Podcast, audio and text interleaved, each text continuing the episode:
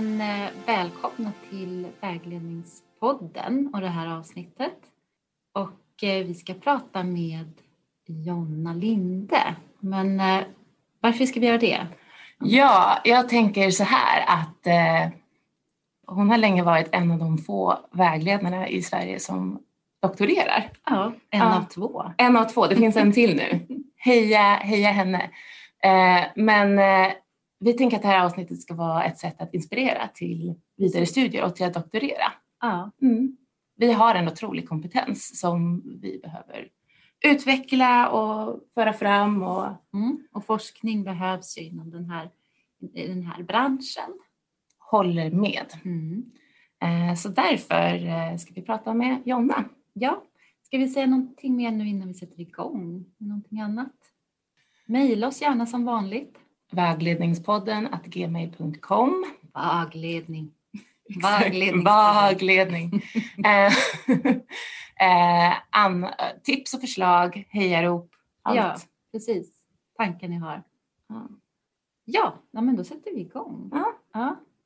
Hej Anna! Hej! Välkommen till Vägledningspodden. Tack, roligt att få vara med. Eh, vill inte du berätta lite mer om dig själv förutom att du är en av, de, en av två doktorerande vägledare i Sverige idag? Mm. Jo, absolut. Jag, eh, jag började ju som eh, min bana på Malmö universitet eller dåvarande Malmö högskola eh, och gick min studievägledarutbildning där. Så jag var färdig 2009.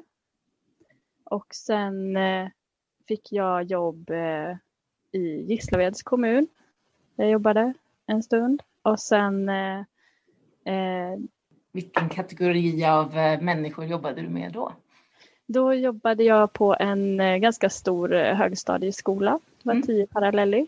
Eh, Okej. Det var hela kommunens ungdomar som de flesta gick där. Så alla i Gislaved vet vem du är från 2010 typ. Ja, precis. De med gott minne. Mm. De minns.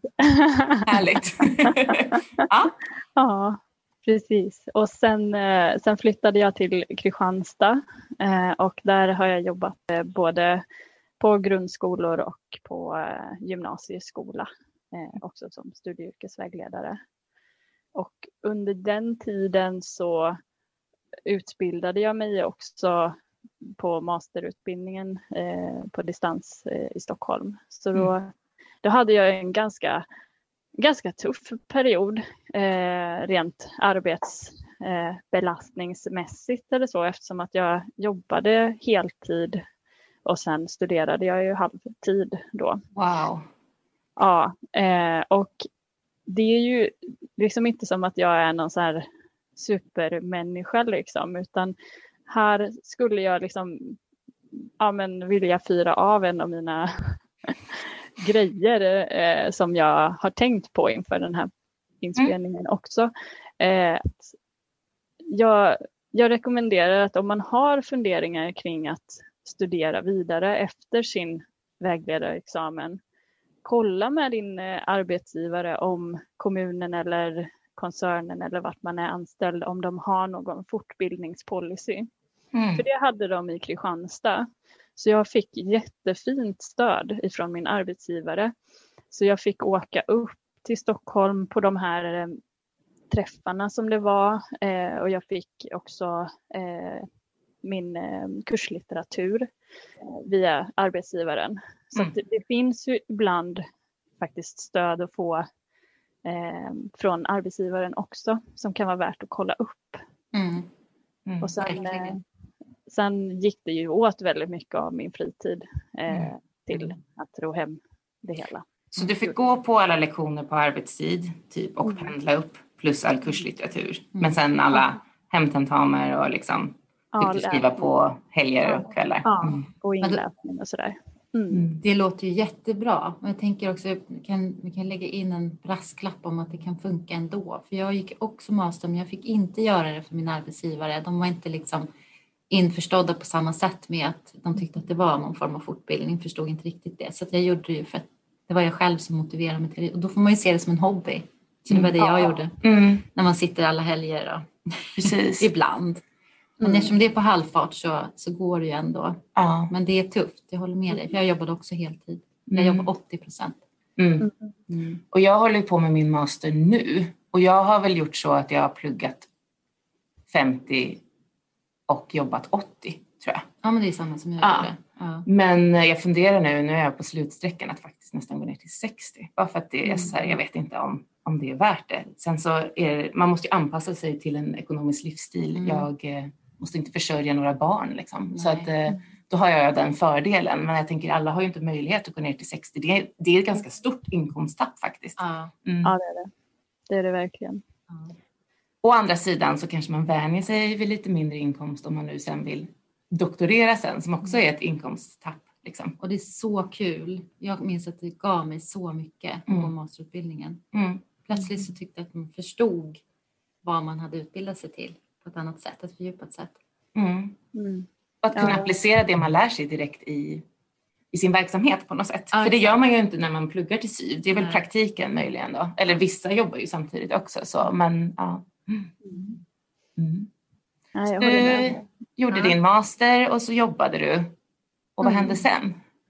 Ja, men och sen, ehm, sen bestämde jag mig för att jag ville flytta till Göteborg eh, och då, då fick jag jobb på ehm, eh, arbetsmarknad och vuxenutbildningen där. Så eh, då har jag varit igenom från grundskola och gymnasium upp till komvux då så att säga. För Mm. att jag var lite, ja men jag var nyfiken på liksom hur vägledning eh, är i de olika stadierna och eh, ja, men eh, hur, hur min kompetens liksom behöver anpassas till olika faser i livet och ja, så eh, det tycker jag att jag fick med mig ändå från eh, särskilt när jag började jobba med vuxna också eh, Mm. och behövde liksom förhålla mig till andra saker än att mina eh,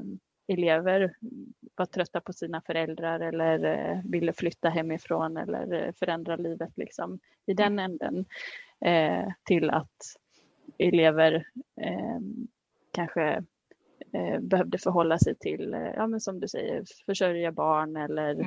Eh, jag vill eh, prompt bo kvar i den här staden och eh, vad, vad blir vägledning då liksom när, när det finns lite mera ramar från de sökande. Mm. Men känner du att det är så att utbildningen håller för alla dessa olika målgrupper?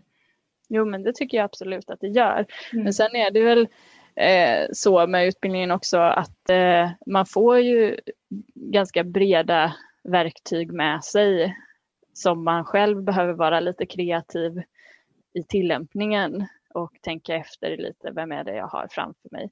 För att det spelar ju egentligen ingen roll om jag sitter på komvux eller om jag sitter på en grundskola för att vissa, vissa ungdomar är jättemogna och vissa vuxna är ganska barnsliga. Eh, Och eh, det, så är det. det, så att, eh, jag, jag, tycker ändå, jag tycker ändå att det håller för, för det breda spektrat, det jag har fått med mig i alla fall. Mm. Eh, och sen så får man ju eh, vara lite kreativ som sagt själv. Men jag tycker ju själv att det är, är roligt liksom att reflektera kring hur jag Mm. använder det jag har fått med mig och så vidare. Mm. Mm. Så du satt där med en master i Göteborg. Eh, Mm. Och vad hände sen? Eh, ja, eh, först så när jag blev klar med min master så fick jag ett tips från, jag hade eh, Frida Wikstrand som min eh, eh, handledare på min masteruppsats och vi pratade ju lite om att jag ville doktorera sedan. Och det dök upp en doktorandtjänst som var riktad mot snabbspåret eh, för lärare i Malmö. Mm. Men jag kände mig inte riktigt så taggad liksom för att det är ju mer Alltså, jag vill inte doktorera bara för doktorerandets skull utan eh, och det känns också så här eh, fyra, fem år arbete är ju jag tänker att det är viktigt att man väljer ett ämne då Mm. om man ska ägna så mycket tid Mm. åt det. eh, att det är ett ämne som man faktiskt brinner för och som, som kan kännas intressant hela vägen igenom. Mm. Så då valde jag, faktiskt att eh, eh, avstå från att ansöka till den. Och sen eh, eh, ska jag väl säga att jag var lite strategisk i mitt val. Eh, mm.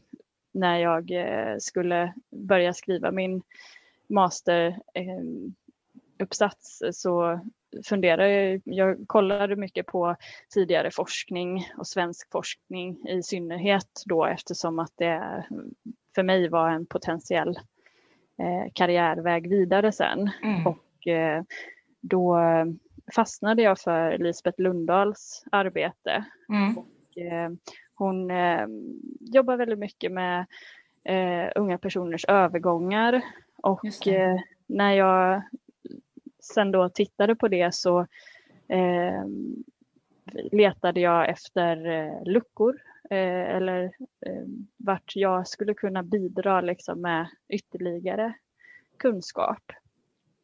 Och kom fram till att introduktionsprogrammet och övergångar, det tycker jag ju är spännande. Mm. för att det finns inte så mycket forskning kring de som inte går den spikraka vägen. Nej. Jag tycker det är väldigt intressant.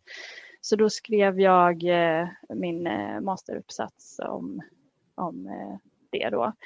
Och ah.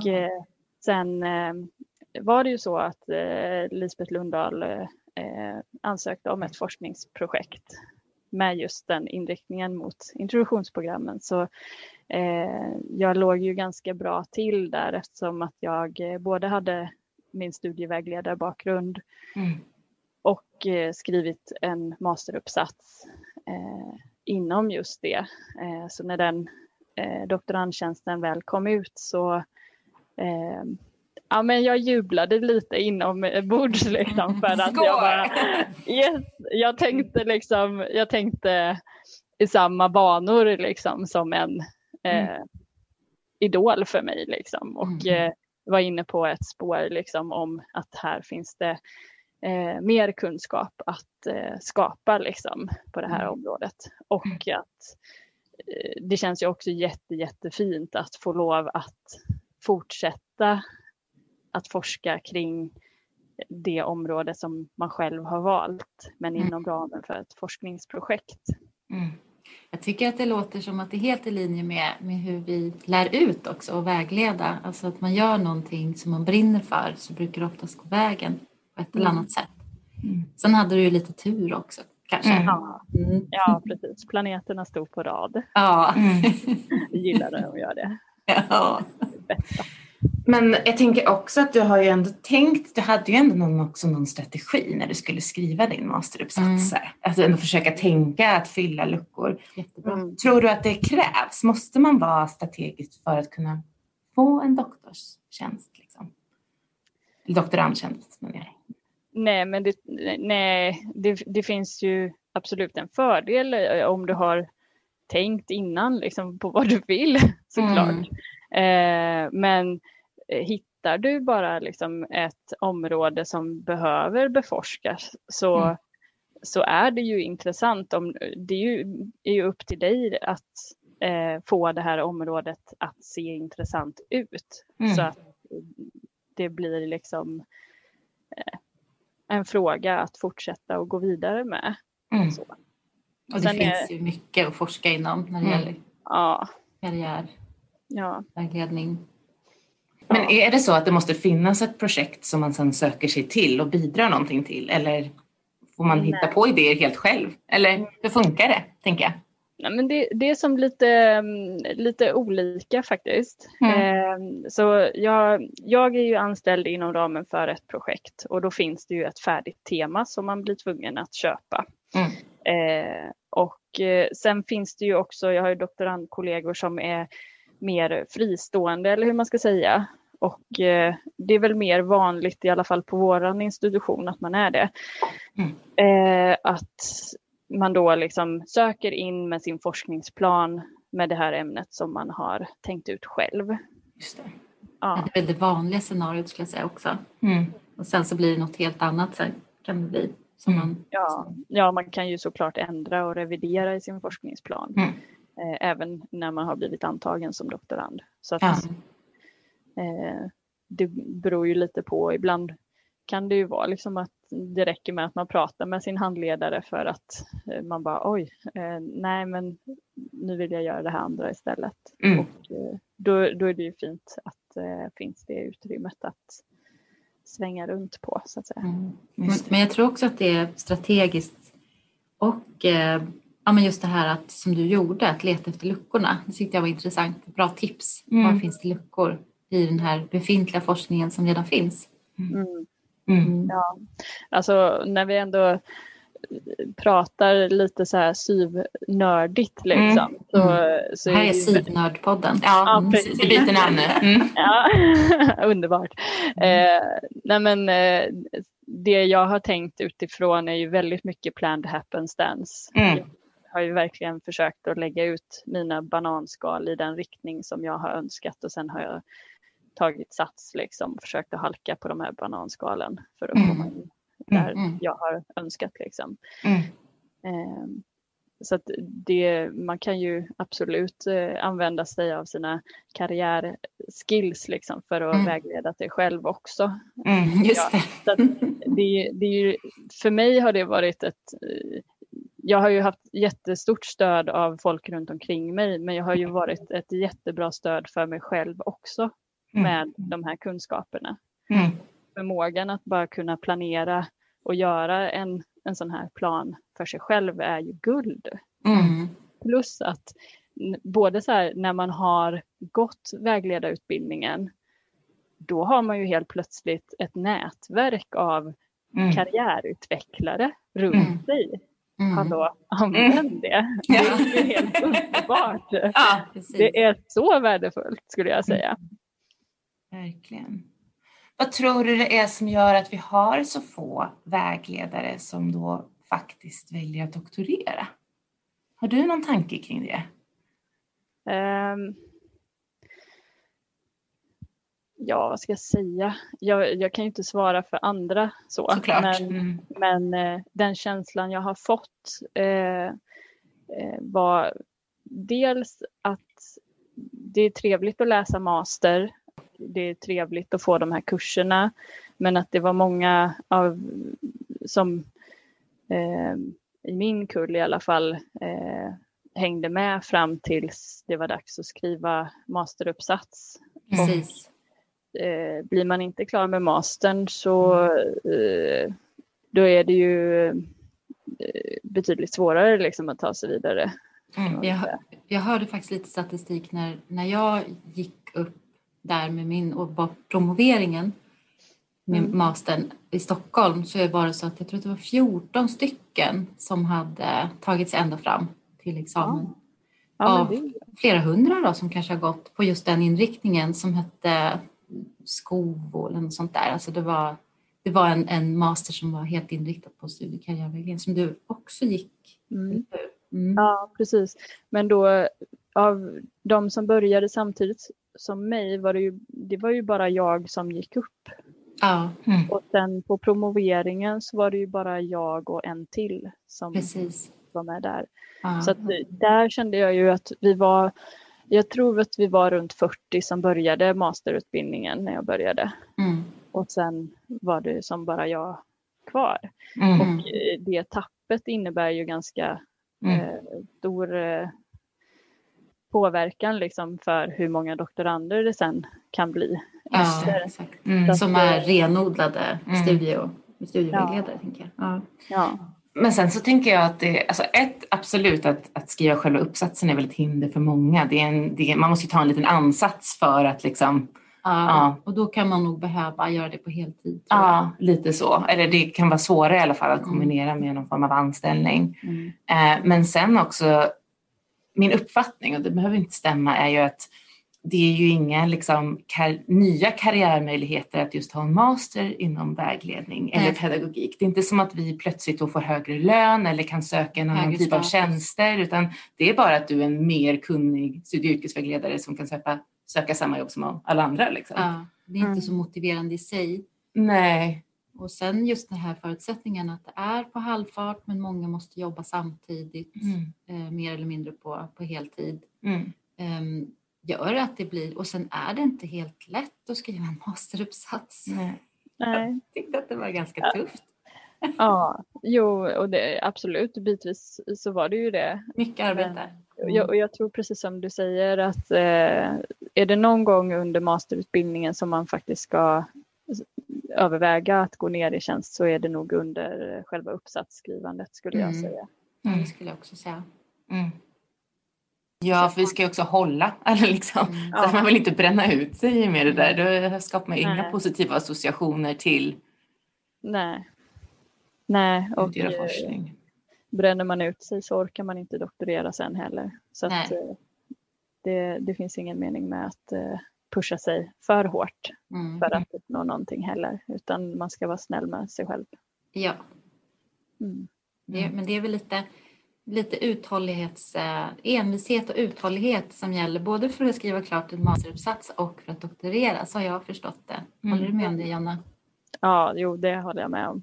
Det, Inte så mycket annat egentligen. Liksom så. nej, alltså, jag känner ju lite så här, äh, alltså visst, jag, jag är absolut smart liksom, men eh, jag, tror, jag tror inte jag hade kommit in på vägledarutbildningen med mina gymnasiebetyg som det ser ut idag, till Mm. exempel. Det. Eh, och eh, det var inte som att jag var kursetta under min vägledarutbildning heller, utan Nej. det här handlar ju liksom mycket om ett starkt intresse, Mm. eh, en stark uthållighet och en Mm. väldigt stor envishet från min Mm. sida. Ja. Den här envisheten är ju det som jag, det är, ju- det är ju min superpower liksom. Det är det som jag tar mig fram på liksom, Mm. eh, när jag vill någonstans. Det kan jag verkligen relatera till. Mm. Jag hade aldrig tagit mig igenom utan min en, en, enorma envishet. Mm. Ja, och det tycker jag är intressant. När jag läste kreativt skrivande mycket så pratade vi om att vara en skrivande människa eller att inte vara en skrivande människa. Och då, det är samma sak där. Det är inte de bästa skribenterna eller författarna som faktiskt blir författare, utan det är de som väljer att nu väljer jag att satsa på mitt skrivande och jag ska liksom göra mitt tills det kommer ut. Mm. Ehm, det räcker egentligen inte att man är smart eller kreativ utan det handlar om hur man lägger upp det. Så Mm. att de, de bästa författarna är ju inte alltid de bästa inom situationstecken utan det är de som har lagt ner tiden på det helt Ja. enkelt. Ja, det, Ja. vad, vad brukar man säga inom sporten? 10 000 timmar? Ja, och så vidare liksom. ja, ja, men exakt. Mm. Och sen en liten gnutta. ehm, Plant happenstance, lite Ja. bananskal behövs också för att ta sig fram. nu. ja, exakt. En, inspiration Mm. och sen ja, en Ja. ganska stor gnutta kanske. Mm. Mm. Lite bananbröd på det. Och så. Ja,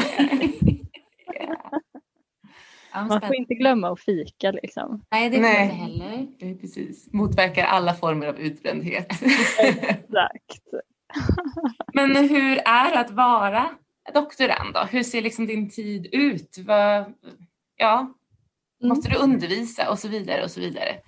Ja, alltså rent så personligt så, så är det här det roligaste jobbet som jag har haft hittills. Jag har tyckt att det har varit jättekul att vara studievägledare också. Men nu får jag liksom jobba med studie och yrkesvägledning eh, teoretiskt hela dagarna också och analysera olika saker i det. Mm. Men jag tänker också så här, för att avmystifiera lite den här doktorandtillvaron så kan man väl säga att jag har tre eh, saker som jag huvudsakligen gör. Mm. Och eh, det som man oftast tänker på är ju att jag eh, skriver min avhandling så att jag gör ju min, ja, mina artiklar eller det som sen ska bli en bok då. Eh, bedriver min egen forskning kring det. Mm. Och sen det andra är ju att jag läser kurser på forskarskolan. Så det innebär ju också att det är undervisning som jag eh, går på liksom, och kurser som jag deltar i och inlämningsuppgifter precis som på vilken annan utbildning som helst. Och sen det tredje är ju att jag undervisar på studievägledarprogrammet i Umeå. Mm. Eh, och det gör jag på 20 procent som det är nu. Det låter roligt ändå, som att det är en, just det där om man gillar det också, att det är en kombination av olika saker så att det blir omväxling. Mm, ja, och det, det jag gillar är också att man i eh, samråd med handledare och, och andra på institutionen lägger upp den här planen för sig. Mm. Så om man vill läsa alla sina kurser första året eller eh, under första och andra året så kan man riva av dem liksom innan man börjar forska och om man hellre vill blanda så att eh, man kanske gör datainsamling och har några kurser eh, och undervisning. Alltså det är väldigt så här, finns stora möjligheter att eh, ja, lägga upp tillvaron för sig själv och planera den och styra liksom vad, vad passar mig just nu. Sen ska mm. ju allting göras givetvis, men, men man har ganska stort inflytande över eh, när man gör de olika sakerna och på vilket sätt och eh, så. Och det är en frihet som jag uppskattar väldigt eh, mycket. Mm. Skönt att det är så varierat och också mm.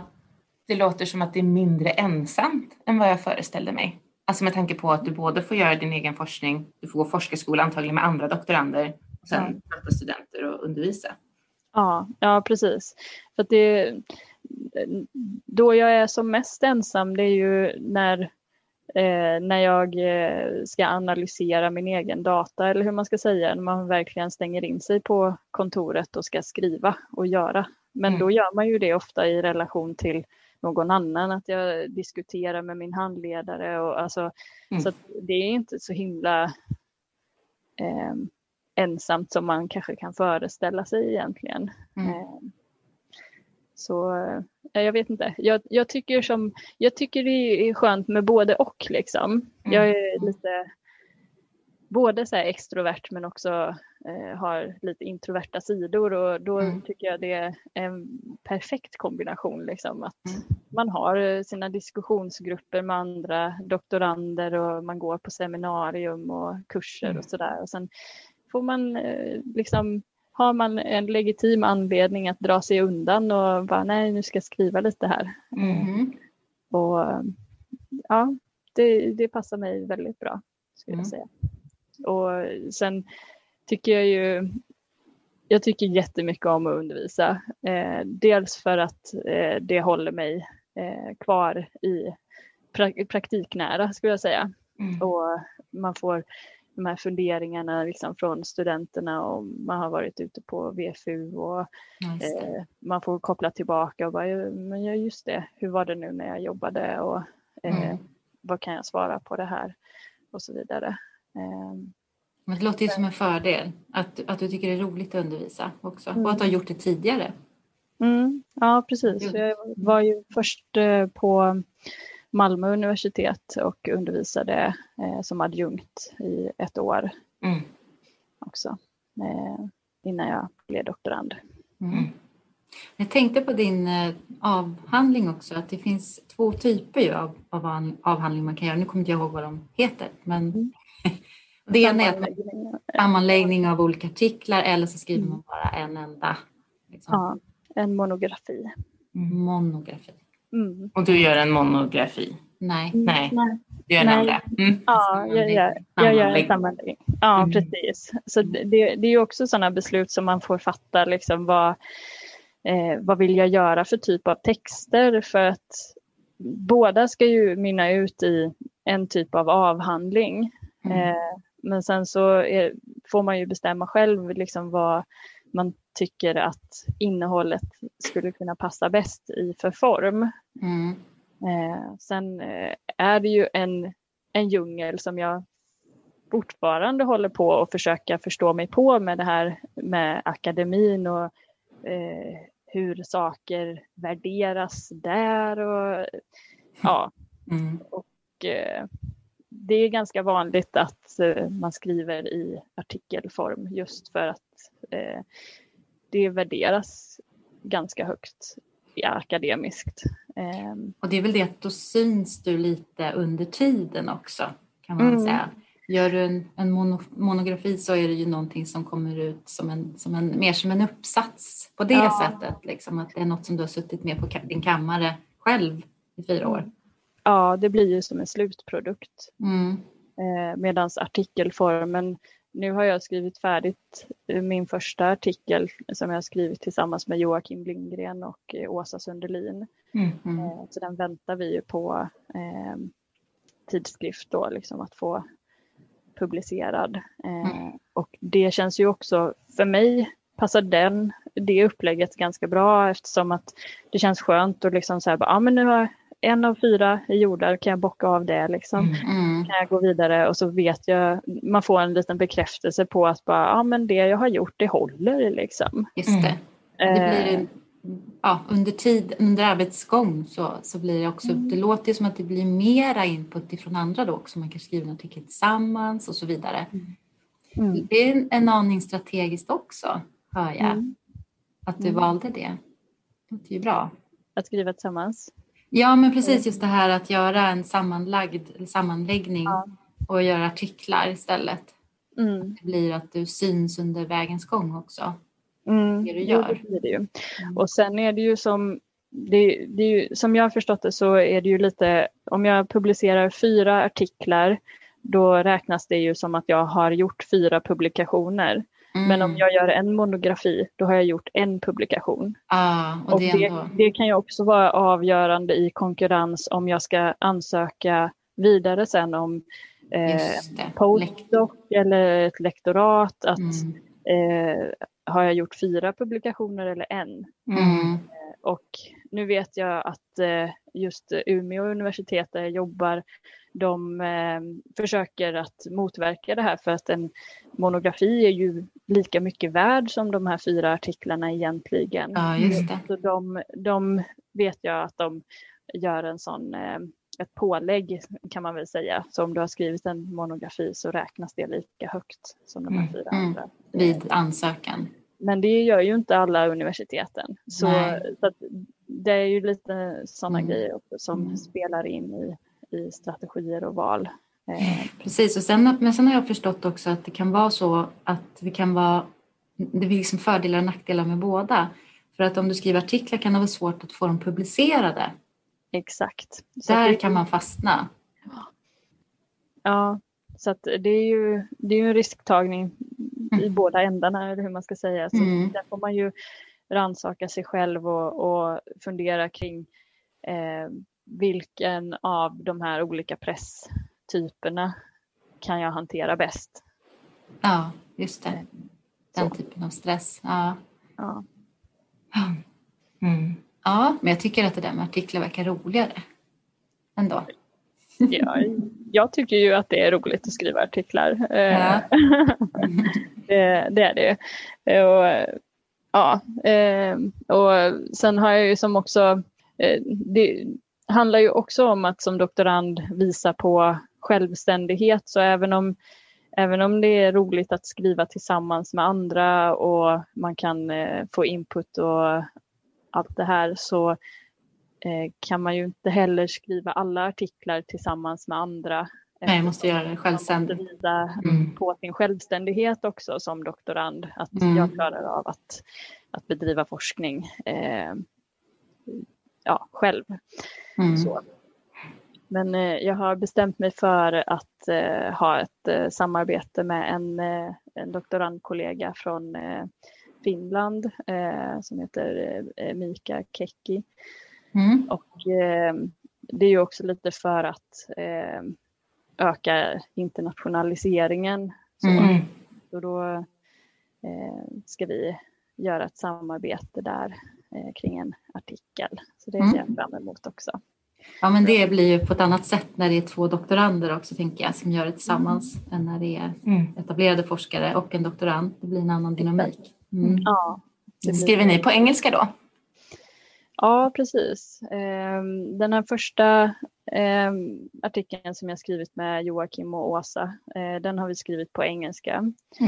Eh, Och sen jag och Mika kommer också skriva på engelska som jag har förstått Mm. det. Mm. Eh, Sen eh, är det lite så här överväger eh, hur jag ska göra med de resterande artiklarna. Eh, för viss, visst innehåll kan ju göra sig bättre eller sämre på en internationell arena. Och mm. eftersom att jag eh, skriver om eh, eh, främst om studie och yrkesvägledning på språkintroduktionsprogrammet så är det ju också ganska lokalt svenskt. Mm, eftersom att vi har det upplägget som vi har och mm. mm. det finns säkert liknande i andra länder och så vidare men eh, det kan finnas en poäng med att skriva någon eller några artiklar på svenska också för att öka ja, öka chanserna att eh, folk eh, i Sverige faktiskt läser min forskning. Mm. För ibland finns det ju ett motstånd mm. eh, kring att läsa texter på engelska också. Så mm. det är lite så här hur man, ja, hur man ska lägga upp det så att eh, eh, vilket innehåll som tilltalar vem så att säga. Då, då, om jag förstår det rätt så kan du blanda både mm. svenska och engelska i din, samman, alltså i din avhandling? Mm. Ja, precis. Det är, inte, det är, inte, så dumt för då kan man få in lite olika aspekter, både den nationella aspekten och den internationella. Ja, och det, alltså jag ska också säga att eh, jag, är, jag är inte någon stjärna på engelska. För att nu kanske det är någon som sitter och tänker åh herregud, nu kan jag inte doktorera för att nu ska man skriva på engelska. Oh, herregud. Mm. Eh, och det var lite så jag kände faktiskt eh, mm. från början. Alltså jag bara, jaha, hello, I am writing here uh, this. Uh, We come from the language introduction in uh, Sweden. Yes, hello.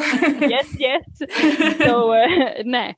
Uh, så det, det, är lite så, den känslan som jag hade från början. Liksom, att bara, åh herregud, och hur ska detta gå? Kommer de ens förstå mm. vad jag säger eller vad jag skriver? Um, och det, det har som lossnat för mig. Mm. Eh, så att det funkar att skriva på engelska.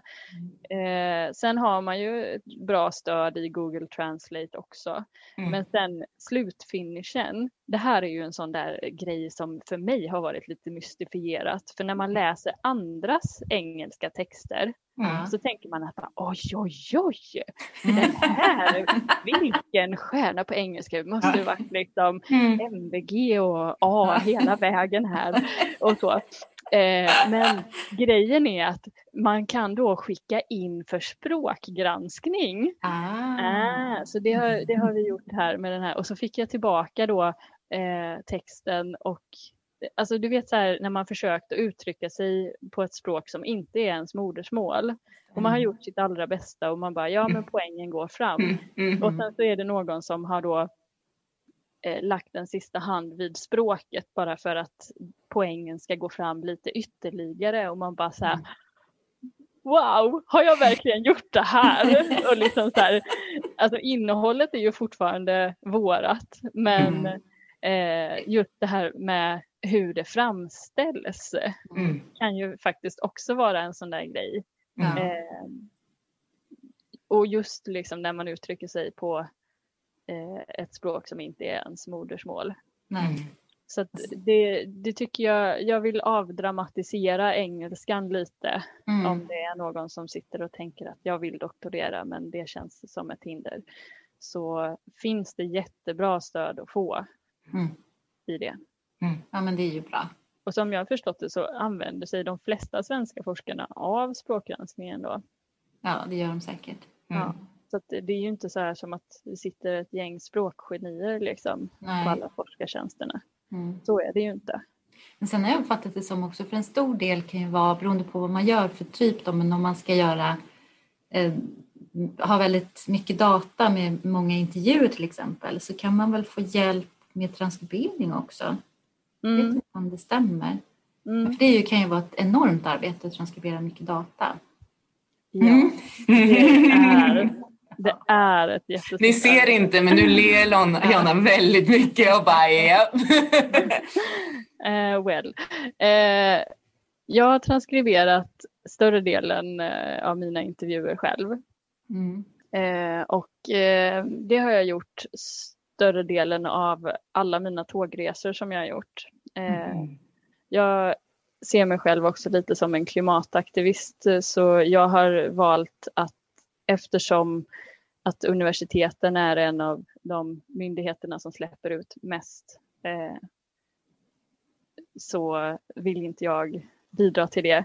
Mm. Och eh, då har jag bestämt mig för att inte flyga, och, både i tjänsten och privat. Mm. Och eh, när man då åker mycket tåg. Eh, till och från datainsamlingar. Jag åkte tåg till eh, Malta för ett par år sedan för att delta mm. på en sommarskola och ja, båt över då sista mm. biten. Mm. Eh, det tog fyra dygn och mm. eh, jag, jag transkriberar hur mycket som helst. och där, jag sitter på det här tåget, så här långfärdståg genom Italien och transkriberar och då, då är det som att man skriver ju jätte, jättefort för att man Mm. hör ju liksom bara mm. Eh, orden och så skriver man dem. Mm. Och sen när jag väl då slutade för dagen och slog igen min laptop så var det en italiensk äldre dam som bara You are working so hard! Thank you. Thank you so och jag bara Ja, precis. Tack för att du faktiskt eh, såg mig i detta. Jag mm. behövde den bekräftelsen. Men alltså, det, man hittar ju sina stunder liksom till transkriberingen också. Mm. Och jag, dels så har jag ju gjort det på tåg, men jag har också valt att eh, lägga in det, du vet så här, man har ju sina bättre och sämre tider på dygnet liksom. Mm. Mm. Eh, och eh, ja men där precis efter lunch när man är sådär lite i matkoma mm. blandat med att man bara oj oj oj, mm. jag orkar inte riktigt. Då har jag transkriberat en timme där istället ja. för att jag får ja. inte gjort någonting. Det, det, kan nog jämföras lite med administrativt arbete tycker jag ibland mm. också. Att det kan vara skönt ja. att liksom bara sitta och lägga in i något system. Mm. Eller mm. sitta med Excel. Ja, eller hur. Sen tänker jag att det finns en poäng med att transkribera själv. Mm. Eh, med att annars så kan man gå miste om nyanser mm. som, eh, ja, och, och för att det, det, finns ju en tolkning man gör i en transkribering också. Mm. Så just att vad väljer jag att höra? Mm. Ja. Så om, om, du då lejer ut det någon annan transkriberar ditt material, vad händer då? Mm. Jag vet inte om det stämmer att man kan göra det, men jag tror, jag har hört det, att jag träffade någon som jobbade mm. med det, att transkribera åt mm. doktorander. Tänkte jag, mm. mm, men blir inte det konstigt ändå? Mm. Någon annan jag, gör det. Ja, jag skulle säga att jag har inte transkriberat hela mitt material, men större delarna av det. Mm. Och jag tycker, jag tycker absolut att det finns en eh, stor poäng med att transkribera själv. Just för att man får en närhet till materialet som Exakt. man inte får annars. Nej. Men eh, det har också varit en enorm lättnad att få hjälp med transkriberingen från mm. någon annan. Mm. Och då de eh, intervjuerna som jag inte har transkriberat själv, mm. de har jag, jag har som ett sånt instrument där man kan eh, ställa hastigheten på uppspelningen.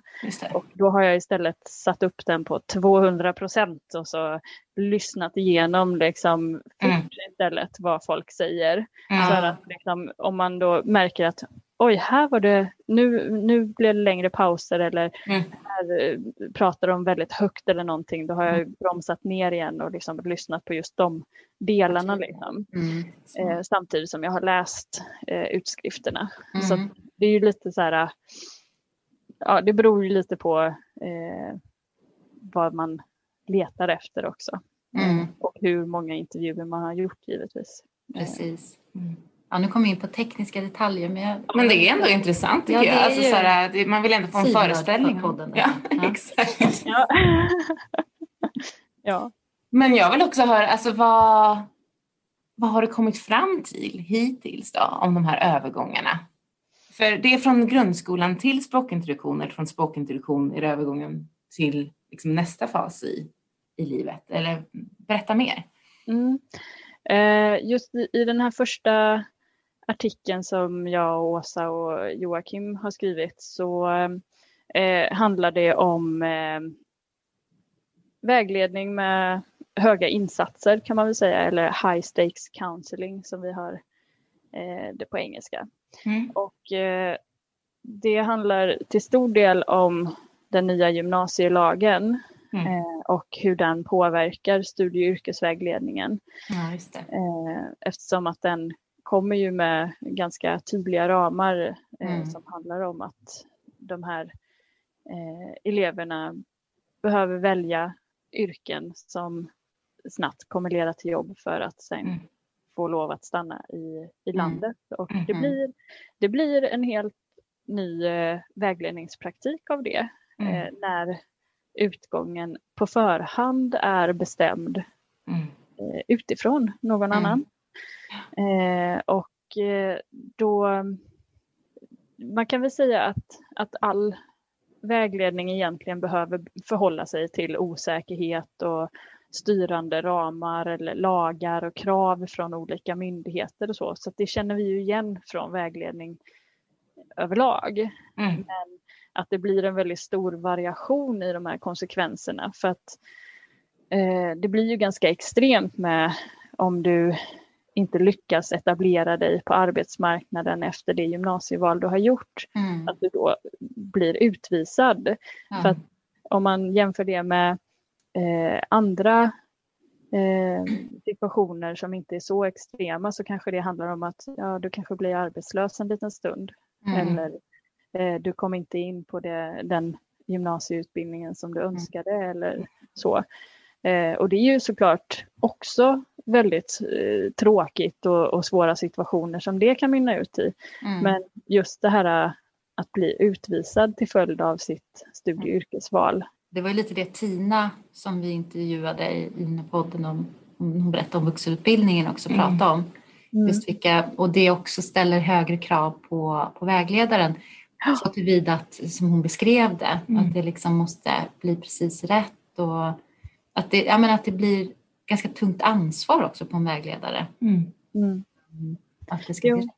jo, men precis. Och det, just det här när, när vägledningen hamnar i eh, en så här krysspress liksom, mellan precis. att utföra ett arbete som är kopplat till gymnasielagen eh, och genomföra eh, vägledning enligt de vägledningsidealen som vi har med oss från vår utbildning. Mm. Det finns ju en slitning mellan det liksom också. Eh, där det kan vara svårt att navigera sig själv liksom, så i sin profession. Mm. Eh, och det är ju en helt ny kontext liksom. Mm. Där eh, man kan väl säga att migration har, har blivit så sammanflätat med utbildningssystemet. Eh, som behöver då hanteras av studie och yrkesvägledare. Eh, som kanske, jag skulle inte säga att jag har med mig det från min vägledarutbildning, hur jag ska hantera att föra ut ett utvisningsbesked. Eh, Nej. För, för, att det blir det ju mm. i, i praktiken ja. när man säger till en, en elev som har ett tillfälligt uppehållstillstånd via gymnasielagen som inte kommer in på ett yrkesprogram eller, mm. eller får ett arbete inom de tidsramar som finns. Mm. Och hur hanterar man det? Ja. Eh, och det är ju också ensamkommande mm. personer eh, som inte nödvändigtvis har någon annan vuxen att vända sig till och då blir det också en emotionell stress för studie och yrkesvägledaren som kan vara svår att hantera. Mm. Um, så det, det, är det, det är främst det som vi eh, analyserar. Liksom, vad händer mm. med studie och yrkesvägledningen i relation till den nya gymnasielagen? Då? Mm. Mm. Ja, men det låter jätteviktigt och bra, bra gjort av mm. er. Ja, och så spännande för det är också mm. någonting som förändras. Nu har de pratat om gymnasielagen igen och hur de ska ja. förändra den. Och mm. Gör de det snabbt nog så, um, så påverkar det vissa, men det kommer alltid vara vissa som kommer i kläm. Och det här med att ha en osäker framtid, det står vi alla inför, men som du ja. säger, det finns higher stakes för vissa då. Mm. Mm. Ja, precis. Och sen upplever jag lite också att vi, vi är ju i en, en annan typ av, av krissituation nu med mm. den här coronapandemin ja, som också skymmer den här typen av debatt. Så att jag, hade, jag hade hoppats lite på att eh, debatten kring gymnasielagen skulle ta fart Mm. nu. Eh, Mm. Men det finns som bara ett eh, begränsat utrymme liksom för vad eh, Ja. som kan hanteras, verkar det som. Mm. Så jag, jag upplever lite att det kommer i skymundan här nu också. Det, Mm. Jag tycker det är synd och jag tror också att det eh, kan påverka liksom, Mm. eh, utfallet. Ja, eftersom det är svårare för alla ungdomar nu att ta sitt första klivet på arbetsmarknaden, alltså den första anställningen, är ju svårare nu Ja. kanske än någonsin på något sätt. Mm. Ja, och jag kan ju tycka så här, personligen liksom, att hur rimligt är det att bara för att du ska få stanna i landet så Mm. krävs det att du slutför en gymnasieutbildning på ett annat språk än ditt modersmål, Mm. men inom sex månader skaffar dig en fast heltidsanställning Mm. under en pandemi. Mm. Ja, helt, helt. Alltså, Varsågod! Ja, men hur, hur, hur ska det gå till? Alltså, jag, jag, jag, ja, Ja, det är helt orimligt, verkligen. Mm. ja, och jag tänker också så här typ, alltså för att återkoppla till det vi var inne på tidigare, för att jag eh, känner ju en massa saker kring den här frågan och, och, och de här förutsättningarna. Och ska man skriva en artikel eller doktorera kring något ämne så är det ju också bra att man har något engagemang för frågan sen innan. Ja. Liksom. För att det kan ju också användas som ett bränsle att Ja, det. En drivkraft. eh, ta sig igenom och slutföra och så vidare. Mm. Så att, eh, det är bra att hitta sådana saker som gör en upprörd. Mm. För att då, då, då finns det ju också Mm. eh, drivkrafter att eh, försöka Mm. göra någonting av det. Precis, att vara upprörd, att vara envis och uthållig. Precis, det är ett bra recept det. Mm. Det är ett bra recept. Mm. Och att vara sin egen karriärvägledare, Ja, som du också sa. Mm. Ja, exakt. Vi kanske ska stanna där. Ja, du har en föreläsning att springa på bland annat. Mm. Ja, precis. Stort tack Jonna. Ja, jätteroligt att du ville vara med. Ja, jätteskoj att få vara med också. Mm. Mm. Och sen om det kommer några frågor eller så så får ni gärna skicka dem vidare till mig. Ja, jättebra idé. Precis, ni kan ställa frågor på vagledningspodden gmail.com Mm. eller googla fram Jonna, varför inte? Ja. Mm. Precis. Jag finns där. Det Ja. finns där. Mm. Ja. ja, men det var väl det. Ja. Tack för idag. Tack vi, för idag. Vi hörs igen snart. Mm. Mm. Hej då! Hej då. Hej!